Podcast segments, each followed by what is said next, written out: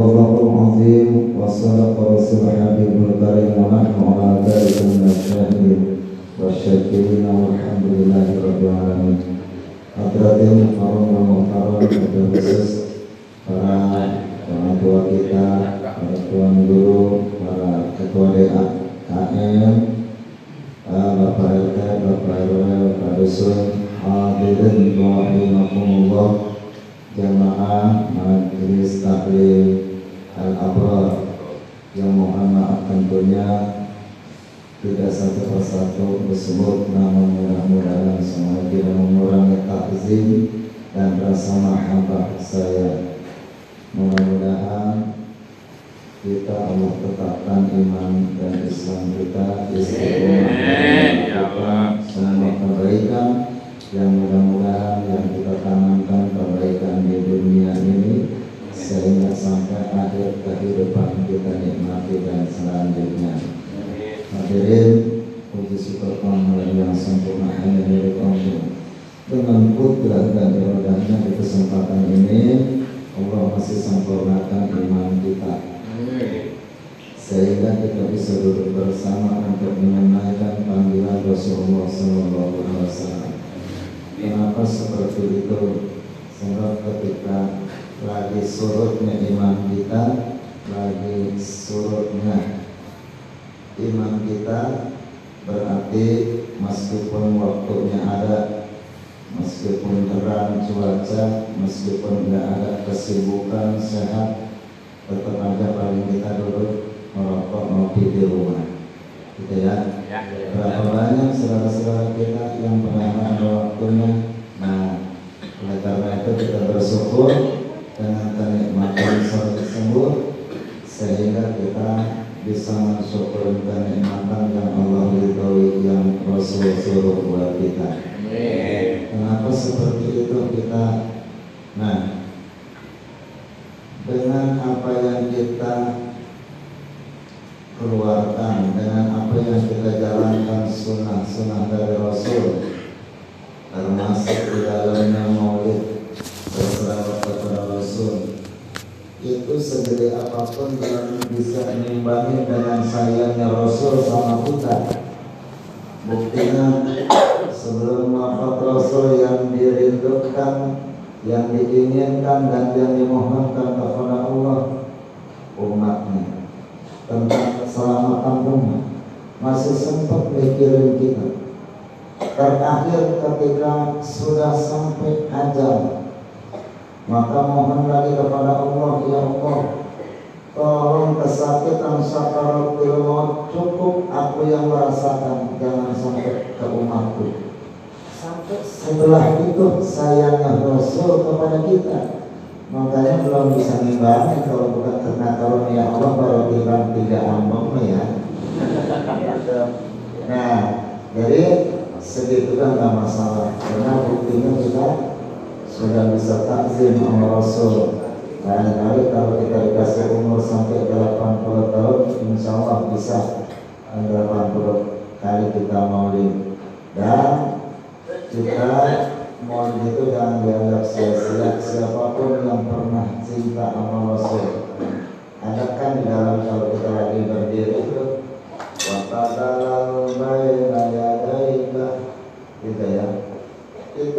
satu saat Rasul dia mendengar suara rintihan ada suara rintihan apa ini? Pertama dengerin sama Rasul. Ternyata ada rintihan kayu langkan korma yang dulu kalau perempuan bukan dipakai sama Rasul.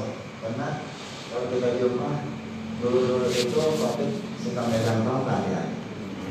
Emang sunnah bukan hati-hati yang mudah hati sunnah pakai tekan megang tongkat gitu ya.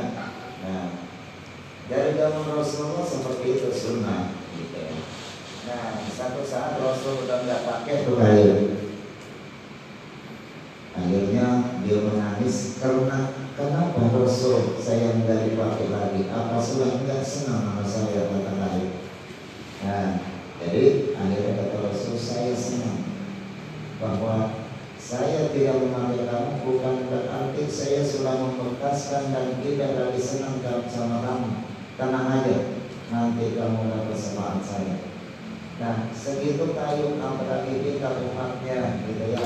Ketika maha pasti dan berharap kita dan kepastian itu sesuai dengan sebuah hadisnya siapa pun orangnya yang mengagungkan yang memuliakan hari hari kelahiran Rasul maka orang itu berhak mendapat pembela syafaat dari Rasulullah Shallallahu Alaihi Wasallam. Nah, kita harus setiap ngaji setiap kita nanti mulai istighfar. Apa kata Rasulullah? Inna Allah yarfa'u darajatul hamdi fil jannah istighfar. Allah akan angkatkan derajat harkat martabat ketinggian surganya orang tua yang sudah almarhum atau almarhumah dari sebab seorang anaknya yang beristighfar. Nah, ada manfaatnya selain buat kita menghapuskan kesalahan kita. Hadirin jamaah saya mengajak saya dulu di Indonesia mudah uh, kayaknya kalau kita kayak dulu nggak jadi 10 tahun. Gitu ya. Mudah-mudahan dulu kita diberikan kesehatan Allah Subhanahu Wa Taala.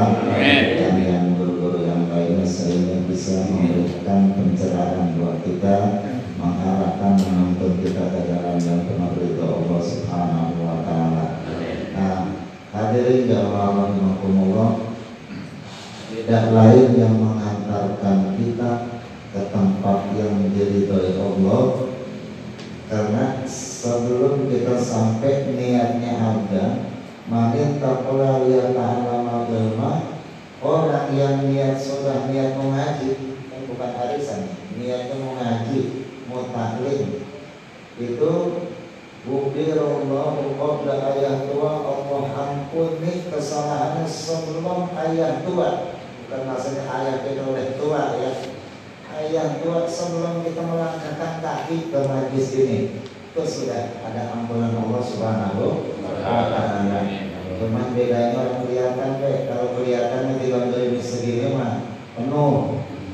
Ya saya ingat kemarin ada pembagian sembako bagian habis malu dia bagikan dia punya nyeker pakai orang ada sembako orang ngabri ibu ibu gitu ya langsung kelihatan itu mah gitu ya. Nah bapak saudara sekalian ini merupakan panggilan yang baik yang memang restu punya azam bahasa kita punya niat untuk duduk di majlis taklim seandainya kita tidak punya azam tidak punya niat untuk ke sini ya tentunya enggak nyampe. Ini karena ada dorongan hati kita. Nah hadirin jangan dikaitkan dengan waduh pas mulut mah. Ini itu kenaikan dari kemarin baru naik ya. Iya. naik ya buat kita kita boleh naik ini serba naik. Jawabannya kalau memang semuanya serba naik itu disebut tapi ya bahan bakar nah, jadi obatnya nggak jauh juga. Kalau misalnya pertalit sudah naik berarti kita obatinnya sama pertalit juga. Berarti kita nggak boleh medit. Kalau memang misalnya itu Eh, pertama juga naik obatnya juga pertama. Kita nggak boleh dendam artinya dengan orang lain. Kemudian ada lagi solar juga naik obatnya juga solar. Berarti kita perlu kaitkan sholat kita yang lima tambahin atau tambah tujuh. Maksudnya yang lima wajibnya yang satu dukanya yang satu tahajudnya tambahin jadi kaitan melakukan sholat. Itu untuk menangkalnya. Yang kalau juga sudah tertarik, sudah kita enggak medit, rajin, belum ketemu sukses, enggak dendam juga belum ketemu sukses, kemudian sholatnya sudah ditingkatkan belum juga sukses, kita pakai premium. Apa premium? Pre makan, pre minum ya, sukses ya nanti kami beritain dong banyak duit berkurangnya Dia obatnya nggak jauh. Bahkan kata ulama ahli kejiwaan namanya ulama ahli hikmah. Itu ulama ahli kejiwaan dia bilang ada tiga untuk mengatasi kesulitan yang menurut kita nggak ada jalan keluarnya. Menurut kita udah sulit dari mau keluarnya gimana ya? Akhirnya larinya kita membuka buka. Ke orang yang kurang iman buka botol airnya dan minum. Saya tanya emang kalau minum begitu bagaimana tuh bebas? Melihat orang kecil kecil ya yang kedua bilang permasalahan. Sama nih ya orang masih itu kan baru ya. Sembuh timbul lagi orang semati kan hilang. Nah, oh begitu. Jadi itu untuk para imam yang lemah cara menghilangkan. Tapi menurut ulama ahli kejiwaan ada tiga. Salah satu tafridul khusus.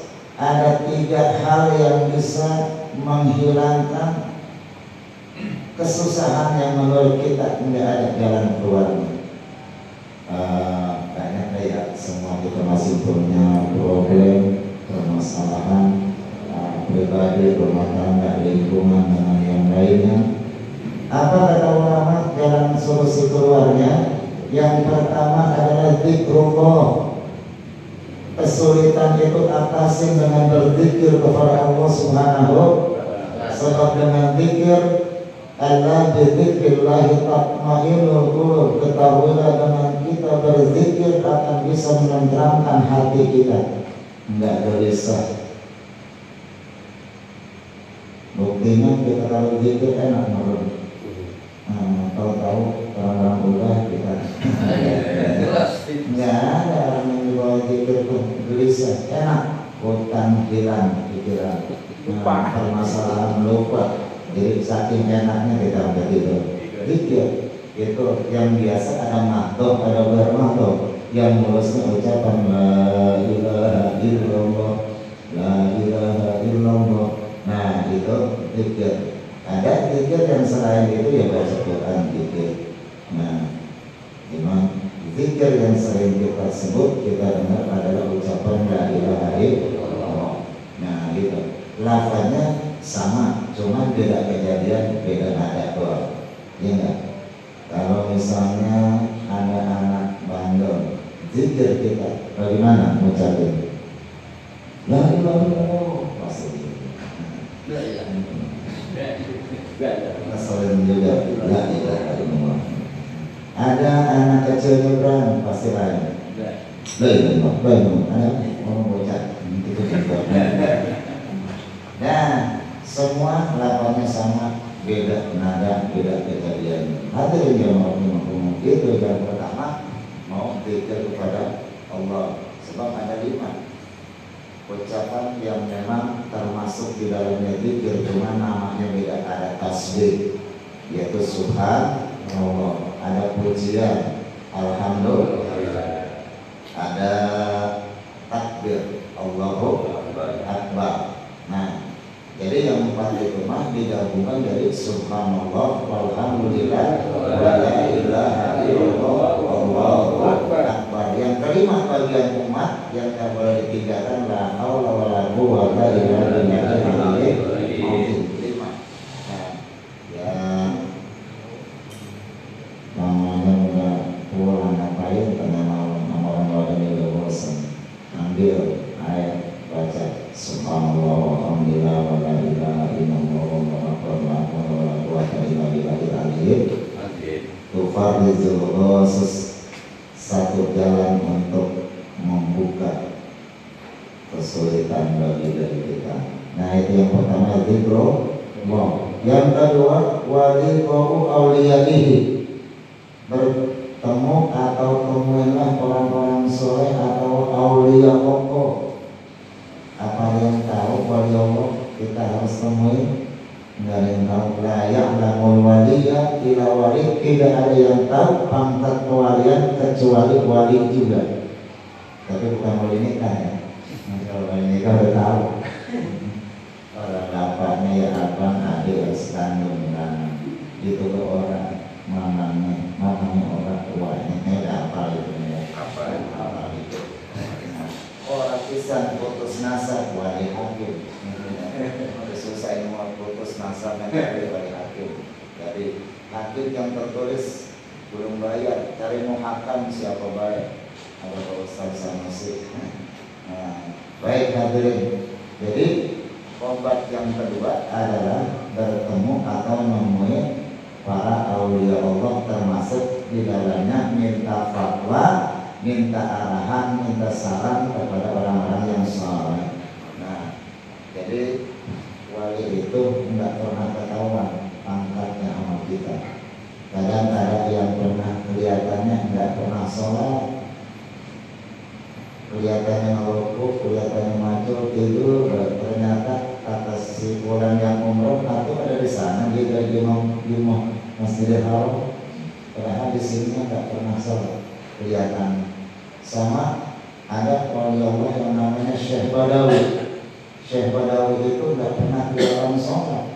Banyak orang yang berkunjung ke tetangganya sampai didatangi orang para penasaran lama-lama kebanyakan dia ngomong yang baik nama itu wali dicoba juga dia kali mau bukan kesel ya wali malah ada kesel jadi orang pengen tahu akhirnya disikut sama Syekh Badawi sekali sikut muntah sampai ke Mekah. Mulai tajam ya, di Amerika misalnya. Tersikut tuh kan. Ternyata dia sampai di Mekah itu begitu sholat berjamaah ternyata imamnya Syekh Badawi. Dia heran. Nah, sampai dia tangkap nggak kena yang ketiga kali baru ditangkap kena. Ternyata ini Syekh Badawi. Mohon maaf akhirnya dia. Nah, itu hadirin jamaah rahimahumullah. Jadi nggak bisa dilihat dengan pakaian yang begitu menyeramkan barangkali kudil juga itu dia bisa terjadi gitu ya nggak pernah dulu ngaji di Sukabumi begitu ngaji sedang jamaah pada sana ngajinya siang hari Kamis gitu. Begitu ada sedang ngaji hari yang mengucapkan Assalamualaikum misalnya. Kelihatannya bujil dari bapak Pak rumahnya jelek kan izin begitu Assalamualaikum Mama paling dulu. Cium tangan disikotin jamaah di mana itu mama orang dia dari kecilnya begitu mau nih udah mama duduk lagi. Begitu udah duduk dasar jamaah lawolong mata matanya buta gitu sama yang mama itu tadi wali. Mana semuanya. Masa Allah. Bukan bilang di dasar mata kotor gitu ah ngaji lagi kemis depan. Ada lagi assalamualaikum. Mama belum lari ke mama belum ngobrol semuanya. Wah cium tangan di kekepin semuanya mama atau enggak salah. Itu orang gila beneran jadi mata sekarang kecolongan ya. Mata begini itu ya. Nah hadirin itu jadi temuan oleh Allah termasuk di dalamnya yang ada ataupun yang menurut mata kita sudah tiada. Yang ada para orang-orang soleh mungkin ya di sana di di kulon, tidur, tapi yang menurut ada banyak, yang menurut mata kita tidak ada. Seperti yang ada di Banten, di Tasik, nah atau Madura. Dengan cara apa? Mendatangin berarti berziarah berziarah itu artinya mengunjungi, mendatangi aulia Allah atau orang-orang yang soleh yang sudah tiada menurut pandangan mata kita. Bukti karomanya kalau usah diceritain.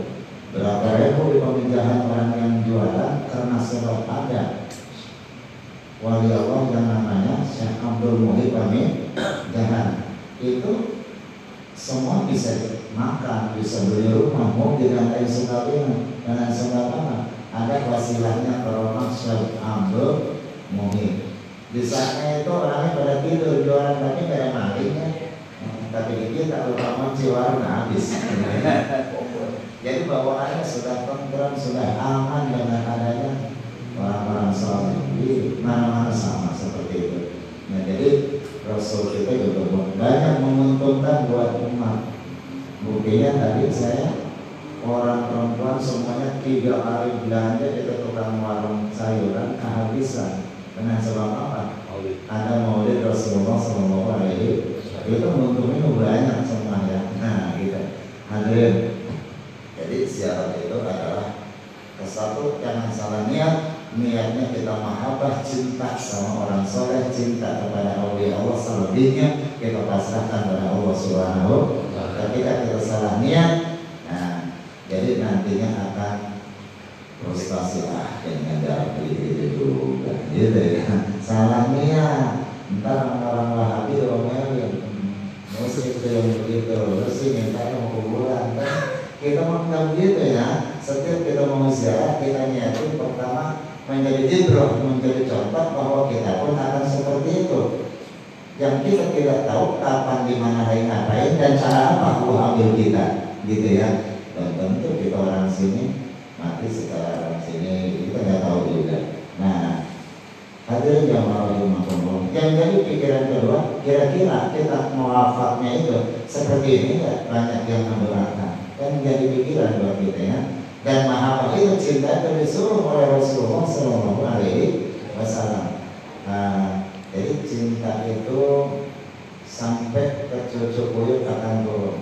Kalau orang tua kakek kita dulu senang meskipun sholatnya enggak tapi senang sama hari pasti anaknya nanti ada anaknya orang pasti mantu mantunya belum ketemu cucu cicit pasti ada sama seseorang yang berhasil itu agama bukan karena perjuangan dia, karena memang gede-gedenya ada keinginan akinya dulu gitu ya.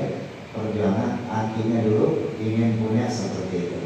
Nah, hadirin yang rahmatullah. Yang ketiga, obatnya kata ulama ahli kejiwaan adalah setelah ngerti kemudian walitobu awliyaihi nah ketiganya yuk sama-sama kita duduk di majlis taklim duduk di majlis taklim hadirin jamaah rahimahullah uh, di majlis taklim itu akan ketemu sama kita selain pahalanya besar yang bawa motor tetesan demi tetesan datangnya ke majlis taklim maka tetesan bensin itu menjadikan ampunan buat kita yang jalan doang ya. Berarti yang bawa motor juga sama. Katanya melangkah doang. Bagaimana kalau motor mah? Ya motor juga sama gitu ya. Nah hadirin yang rahimahumullah yuk sama-sama supaya hati kita subur supaya iman kita subur sehingga kesempatan hidup ini buat nabung amal kita yang sebanyak banyaknya oleh karena itu jangan dikira banyak amal kita kalau ada penyakit hati ini nggak dibuang. Sifat hati yang tidak baik atau sifat hati yang majnumah yang tercela akan bisa menghapuskan kebaikan yang sudah kita tanamkan dari mulai akhir balik sampai saat ini. Jadi penyakit hati itu kalau dipusat kayak seks-seks lah kira-kira nggak kelihatan makannya tapi begitu udah dimakan tadi kita pegang kempes ya. Kalau pada ngegantung perasaan banyak amal kebaikannya tapi penyakitnya enggak dihilangnya habis ya ulul hasanat akan makan kebaikan karena ya ulul narmil itu sebagaimana api memakan kayu bakar. Nah tapi kita perlu tahu sakit hati itu apa dan obatnya itu apa sakit hati mah kita pasti tahu sifat yang tercela adalah kita rasa sombong, rasa takabur, rasa kita bersih. Tapi saya yakin orang yang semakin rajin ibadah bukan dia merasa paling bersih. Justru semakin kita dekat kepada Allah, semakin banyak ibadah, semakin lebih merasa kita orang yang paling banyak kesalahan benar ya? ya. kita sholat masih kecil gampang. Ketinggalan dua rakaat aja bisa bareng nanti udah ya ya saya mau pintar sholatnya udah ketinggalan aja saya bisa kerja sambil ibunya bareng. Tapi kita setelah kali eh kita sholat susah juga ya. Nah jadi semakin kita jalanin semakin kita rasanya kesulitan semakin kita dekat ibadah semakin banyak rasa kesalahan kita. Memang itu yang diperintah oleh Rasul Zayin nafsa bil maksiat Wala zayin nafsa bil ibadah Hiasin diri kita ini dengan rasa banyak dosa kepada Allah Rasa banyak salah ke manusia Tapi jangan sekali-kali kita hiasin diri kita dengan rasa banyak kebaikan dan rasa banyak ibadah Nah hadirin jamaah rahimahumullah. Jadi majmumah satu sifat yang tercela. Yang kedua nggak boleh hasud. Udah pasti hasud itu apa sih? Hasud apa kira-kira? Itu adalah berharap kenikmatan yang ada di orang lain akan kembali kepada kita atau nggak kembali ke hilang. Melihat dia romanya laris kan. Nah kita mulai kesetan motif-motifnya. Orang mau hilang tuh ya begitu. Hmm, itu namanya masuk gitu ya. Ada lagi hmm, sifat dendam itu juga masmum tercela. Nah ada lagi sifat takabur itu apa? Takabur itu begini. Orang yang diajak kebaikan nggak mau, itu namanya takabur. Itu juga sifat majmumah yang bisa menghabiskan kebaikan yang ditanam sama dia. Jadi, nah dia rumah dalam hati yang ngaji bukan bukan juga, bukan ngaji gitu ya. Orang yang saya sulit menjawabnya begitu pak. Datang sama jaga BSD pak, pertanyaan saya dari Garuda satu. Kenapa dia mau sembahyang sembahyang acan kok dunianya semakin merendah? Tapi saya bukan apa sholat mau dia puasa mau juga setahun sekali begini-begini kan itu bagaimana pak pertimbangannya iya, iya. jadi pertanyaan itu sebagai contoh orang yang imannya lemah mendingan jono ya orang ngajar sembahyang sehat baik usahanya maju atau kali menikahi orang gitu ya. Nah jangan. Orang yang usaha sambil sholat sambil jalanin perintah Rasul yubariku dia akan diberkahkan kehidupannya baik berkah usia maupun berkah usaha. Hasilnya tidak seberapa tapi hasil usahanya itu bisa mendorong untuk dirinya mau ibadah keluarganya mau ibadah ibadah. Setimbang itu yang banyak berjujur di pintu membelakang di tengah rumah, tapi nggak sempat untuk sholat, nggak sempat untuk taklim. Nah itu namanya hasilnya nggak mendorong untuk berkah. Nah hadirin, kemudian penyakit hati ini kata ulama obatnya ada lima. Obat hatinya ada lima ketika hatinya bersifat ada yang menghapus kebaikan ngomongin kejelekan orang jangan udah diomongin udah dibuka akhirnya eh pengen balik lagi gitu ya ya kalau udah jelek mah diceritain jangan diceritain kalau datang balik lagi mah bisa gitu ya teman kita bisa bisa kita ceritakan keburukan eh besok minum dulu kita sama dia ya dia udah tahu kesal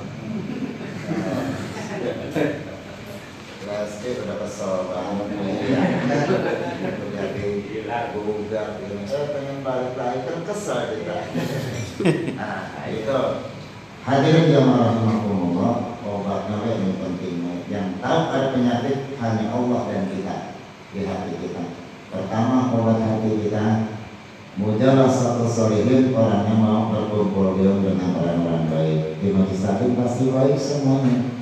Makanya itu salah satu menjadi obat hati buat kita. Menjadi obat hati buat kita. Nah yang kedua kiraatul Quran Orang itu gemar mau akan membaca Al-Quran. Orang sholat, orang taklim, orang ngaji pasti baca Quran. Tadi kita udah dipimpin acara tawasul. Itu semua kita baca. Al-Quran dan selawat Al-Quran itu selain kita baca merupakan buat hati adalah Safi'an li ashabi akan menolong bagi orang pembacanya. Di dunia nolongnya, di akhirat nolongnya. Dalam sebuah hadis ketika orang yang bisa baca Quran itu akan bisa terbang. Kedua akan bisa bikin emas. Itu sepintas begitu doang. Saya pikirin apa benar bisa terbang ternyata juara satu tingkat kabupaten itu hadiahnya bisa umroh. Oh benar ya bisa terbuka bawa keluarga jadi ibarat simpel doang tapi berjalan seperti itu. Bisa jadi emas. Ternyata guru saya itu tingkat kedua baca kita dapat hadiah uangnya senilai 30 juta. Ah haji udah sering umrah udah belikan emas dan bukan begitu baca Quran langsung dapat emas gitu nah safi nabi ashabi dia akan menurunin kita nanti di alam barzah amin ya nah hadirin itu Al-Quran dia akan baca Quran kalau tahu maknanya saya mau baca deh begitu apa dapat faedahnya begini kalau kita nyendok air sama tangkok dikali yang besar, pastilah tidak terbawa airnya karena bolong, ya Tapi yang dimaksud apa? Meskipun itu air tidak terbawa, tapi yang jelas pasti bersihnya itu tangkok. Sering tercelup-celup gitu ya. Nah, meskipun kita belum bisa mengamalkan sepenuhnya Al-Quran karena sering kita baca pastilah ada bersih hati kita bersih kesalahan kita. Jadi ada ada manfaatnya ya. Nah, kemudian yang ketiga wa ikhlaul batin. Obat hati itu adalah bersihkan hati kita kata Arifin Ilham kayak kata Aang ya. Bersihkan hati jangan kau bersihkan hati. Ya, itu ya apa bersihkan hati Likul syai'in sikoratun Setiap sesuatu itu Yang kotor adalah pencucinya Pencuci hati adalah zikir kepada Allah Subhanahu wa ta'ala. Gila, gila, gila. Dan yang keempat adalah Wakiamul air Obat hati itu bangun di waktu malam. Oh malam. Kencing kencing apa ini ya bangun dan saya yakin orang yang sudah berkeluarga ini pasti bangun malam. Pasti. Nah, pasti begitu gereja mikirin besok. Baik mikirin dulu proyek mana mana dulu yang saya kerjain besok. Kata yang ada rumah apa dulu besok saya pegang. Kata tetangga besok mah gak nama dulu dah Padahal kadang-kadang pagi mau beda dengan apa yang malam kita pikirin gitu ya. Nah paling tidak satu rokaat mah terlebih dua rokaat. Kalau dua tahajud, kalau satu muwitir. Karena kita bukan bulan puasa orang muwitir. Saking semalas-malasnya di luar bulan puasa bangun tengah malam sholat witir. Usuli suratan witir rokaatan. Saya ini selain sholat witir satu rokaat. Allahu Akbar sampai itu sampai itu berpuk lagi bahkan kata dulu jadi ini masih tidak tidak itu orang yang tidak punya dalil itu masalah iman. Jadi disahkan orang yang tidak. Orang yang cuma ngikutin guru. Kalau ditanya nggak tahu dalilnya sah imannya. Saya mau ngikutin guru pada nah gitu. Nah jadi kata dulu ketika orang bangun malam habis melakukan sholat sunnah habis ibadah menghayalnya membuat jam sholatnya mau mandi mau menit itu hayalannya dari doa kepada Allah. Gitu ya. Nah pasti gitu ya cuma ini aku berat ke air kata setan jangan kena air ntar romantiknya kumat asam uratnya mulai gitu ya. Nah mulai itu uh, sibuk sibuk. Nah, ya jangan dulu kan orang tua kita kesumurnya jauh. Berharap hati kita ah karena sumurnya dideketin. Begitu gitu juga. Dalam rumah dia karama katanya supaya ibadah gak enak. Ternyata sama baik sama. Ya begitu datang di dalam rumah sama gitu ya alasan itu ngikutin ternyata nah yang kelima obat hati itu adalah Wakodoru hingga sibah mau menajat, mau berdoa ketika di waktu sholat subuh. Lagi udah beberapa rumah Pak, pak, pak, pak, bangun, bukan konser ngopi, bangun, nah gitu ya. Suruh apa? Suruh subuh bareng. Subuh adalah disebutkan kenapa bukan waktu maghrib, isya atau doa asar. Subuh karena subuh itu orang yang sedang nikmat nikmatnya tidur, gitu ya. Makanya saat itu ketika kita meminta munajat permohon saat yang tepat dijawab oleh Allah Subhanahu nah, makanya banyak kan yang kita males gitu ya, ya subuh subuh nah, sisanya banyak gitu makanya yang berapa siangan juga setengah enam masih ada subuh. Hmm, jangan tapi yang disengajain udah keliwat baru gitu masih ada pun subuh ya ada gitu ya. Cuma doa kunutnya jangan panjang-panjang gitu ya. Baca yang pendek. Ada orang Mang saya yang empatnya sholat teman harus subuh orang. Emang kalau bisa lo mandi ini gitu ya. Gara-gara yang sunnah apa jadi fardunya ditinggalin baca yang dikit sah sah Allahumma firli ya ghafur wa hamid ya rahim. Wa sallallahu alaihi sayyidina Muhammad wa alihi wa sahbihi wa salam ada yang mampu kita bisa itu doa sama kita kita bisa gitu mana ganti tambah dikit Allahumma firlana ya ghafur hamna ya rahim. Wa sallallahu apa gitu ya? Jadi nggak perlu Allahumma adina di mana ada tapi kalau yang boleh bisa panjang jangan nabi yang bibir Justru kalau udah bisa panjang kalau ini bisa ditambah dengan Allahumma firli ya ghafur warhamni ya rahim wa sallallahu. Yang nggak bisa jangan putus asa, jangan maksain. Jadi bisa diganti dengan Allahumma firli ya ghafur warhamni ya rahim. Nah, kalau ada berdua ditambah atau diganti Allahumma firlana ya ghafur warhamna ya Rahim wa sallallahu alaihi Muhammad wa alihi wasallam. Jadi obatnya lima. Satu apa tadi? Mujalah satu solihin mau berkumpul dengan orang-orang soleh. Yang kedua mau membaca Al-Quran. Kenapa seperti itu? Di kampung saya ada satu sekeluarga yang takut sama Al-Quran. Sholatnya rajin, tapi sama Al-Quran takut sama tawasul. Orang tuanya wafat. Begitu orang mulai Allah buat takut. Ada hafil dan takut sama Alhamdulillah takut sama zikir gitu ya. Nah jangan kayak begitu ya. Nah jadi dua baca Al-Quran ketiga. Bangun tengah malam melakukan ibadah. Yang keempat bersihkan hati kita. Yang kelima Fadol mau mengajak berdoa di waktu sholat subuh. Jadi angka salamnya jangan langsung keluar. Kalau Pak Haji bilang udah habis berdoa. Dan balik dulu makanya imam pintar. Ada kesunahan. Begitu angka salam hingga salam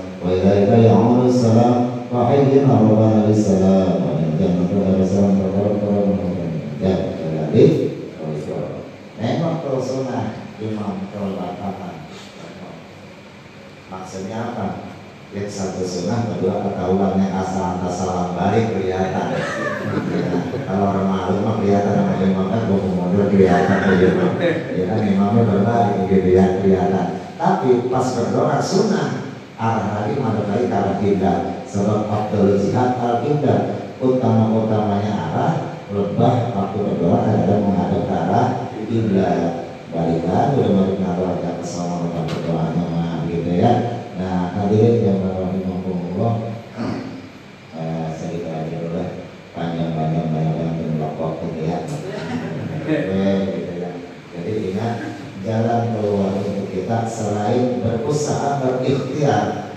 Nah, adalah tiga. Satu tadi zikir. Kedua menemui orang-orang yang soleh. Dan yang ketiga kita kumpul di dalam majelis taklim hadirin dan rahimakumullah para Muhammad Bismillahirrahmanirrahim. Bismillahirrahmanirrahim. Allahumma gfirli Allahumma gfirli ya ghafur Ya Ghafur warhamni Warhamni ya rahim Ya Rahim wa sallallahu Wa sallallahu ala sayyidina ala Sayyidina Muhammadin Muhammadin wa alihi Wa ala alihi Wa sahbihi wasallam. Wasallam Jadi kalau imam udah ada tinggal dewe kalau jadi ya kalau ada mati imamnya mah enak kita amin doang tugasnya gitu ya. Nah kalau amin imam diem kita ngapain tuh? Ada buat ini dalam hati kita secara mako imam mau kedengeran lagi kita ngapain amin dia apa simplem aja kira-kira nah, kita mengikut baca kalau imam diem mah fa inna katab di wala yuqdo Alaih. wa inna la yadillu mawla Alaih. wa la ya'isu ma'a Alaih. tabaraka rabbana wa ta'ala Alaih. wa alhamdulillah ala maqo Alaih. astagfirullah wa atubu Alaih. imamnya kedengaran lagi yaudah kita jangan diterusin wasallallahu kita amin lagi tapi imam orang kedengaran lagi habis itu ya kita terusin Muhammad salam kenapa pertanyaannya kok dari mulanya keras ke ujung kan ada pelan sedikit? Bahkan orang kedengeran sama makmum meskipun telinganya normal. Nah gitu. Sejarahnya Rasulullah ketika baca sampai wakili birahmatika syaroma pada sunnah sunnah dikesanakan lagi dikedepankan wakili birahmatika syaroma. Payanakannya sunnah dibalikan lagi. Karena yang balak-balak kita mau balak kalau balak-balak gorengan mau. Nah, kalau balai-balai kita nggak mau maka sunnah dibalikin. Nah pas udah nggak balai balikin lagi. Itu Rasulullah pas lomba itu yang biasa kita pelan kalau berjamaah lagi sendiri juga sunnah pelan. Datang ke ke malaikat Jibril kepada Rasul. Ya Rasulullah pelanin kalau Rasul sempat bertanya mah karena lagi sholat? Pelanin ada apa ya malaikat Jibril no musuh kali ini dari itu waktu masih di kota Makkah karena di kota Makkah itu memang sholat belum aman Rasul. Nah, di kohri sahabat karena masih eh, banyak musuh-musuh. Akhirnya Rasulullah pelanin di batas itu. Sehingga sampai sekarang sunnah pelan yang sepotong awalnya karena Rasul waktu sholat subuh itu kedatangan malaikat ngasih tahu kalau keras keras kenceng kenceng. Kedengeran sama musuh. Begitu musuh udah siap akan bawa panah akan bawa samurai pedang membunuh orang-orang yang lagi sholat. Gitu ya makanya disuruh pelan. Nah, akhirnya pelan dan sampai sekarang sunnah yang sepotong untuk pelan. Mau sendirian mau berjamaah gitu ya. Cuman kalau imam para kedengeran kita sunnah baca baca luar bisa. Gimana katakan gitu ya? Nah gitu. Nah, kalau imamnya ada orangnya banyak imamnya bacanya Allah Madini baik enggak Allah Madinah jangan diaminin. Tidak pada sendiri kemarin ya. jangan. Medit itu namanya yang buat dia doang. Korek ya. Nah, saya ada. Pasal di sini kalau doa orang banyak tuh buat telekan doang saya doang ente curang. Kamu yang curang. Ini kan jamaah banyak kenapa doang buat sendiri doang ya, saya mau amin. Orang amin. Kamu saya pengen sengaja jadi jangan curang nggak boleh. Jadi sunnah nggak sunnah diaminin. Kalau buat orang banyak tapi buat sendiri doang baca doanya yang saya mau tahu takbir pertama amin beda repot-repot amat sih. Nah, yang paling kita tahu Allah ini yang dia ngambungnya orang ketahuan katanya gitu orang nyorek dulu. Udah dan makmum apa nggak dicoleknya jadi baik kita dapat pahala berjamaah. Kayaknya takutnya kalau dicolek itu dia tukang cimande ya. Iya. ini refleks nih jadi ribut ya. Nah, nggak usah dicolek begitu kita takbir kan kedengeran dia mah sebelah kita melihat dari imam kayak orang sah baik kita dapat pahala berjamaah. Kecuali sholat jumat. Maka sholat jumat dipilih Bang. kalau imamnya orang niat jadi imam warsa semua dia kalau sholat yang selain dari jumat namanya makmum itu orang tua sebelah semua gua niat jadi imam bagian lu biar tahu dewe dan tetap baik kita menjadi dapat pahala berjamaah dia mau orang gitu ya. Karena niatnya adanya urusan di hati gitu. Di sini Pak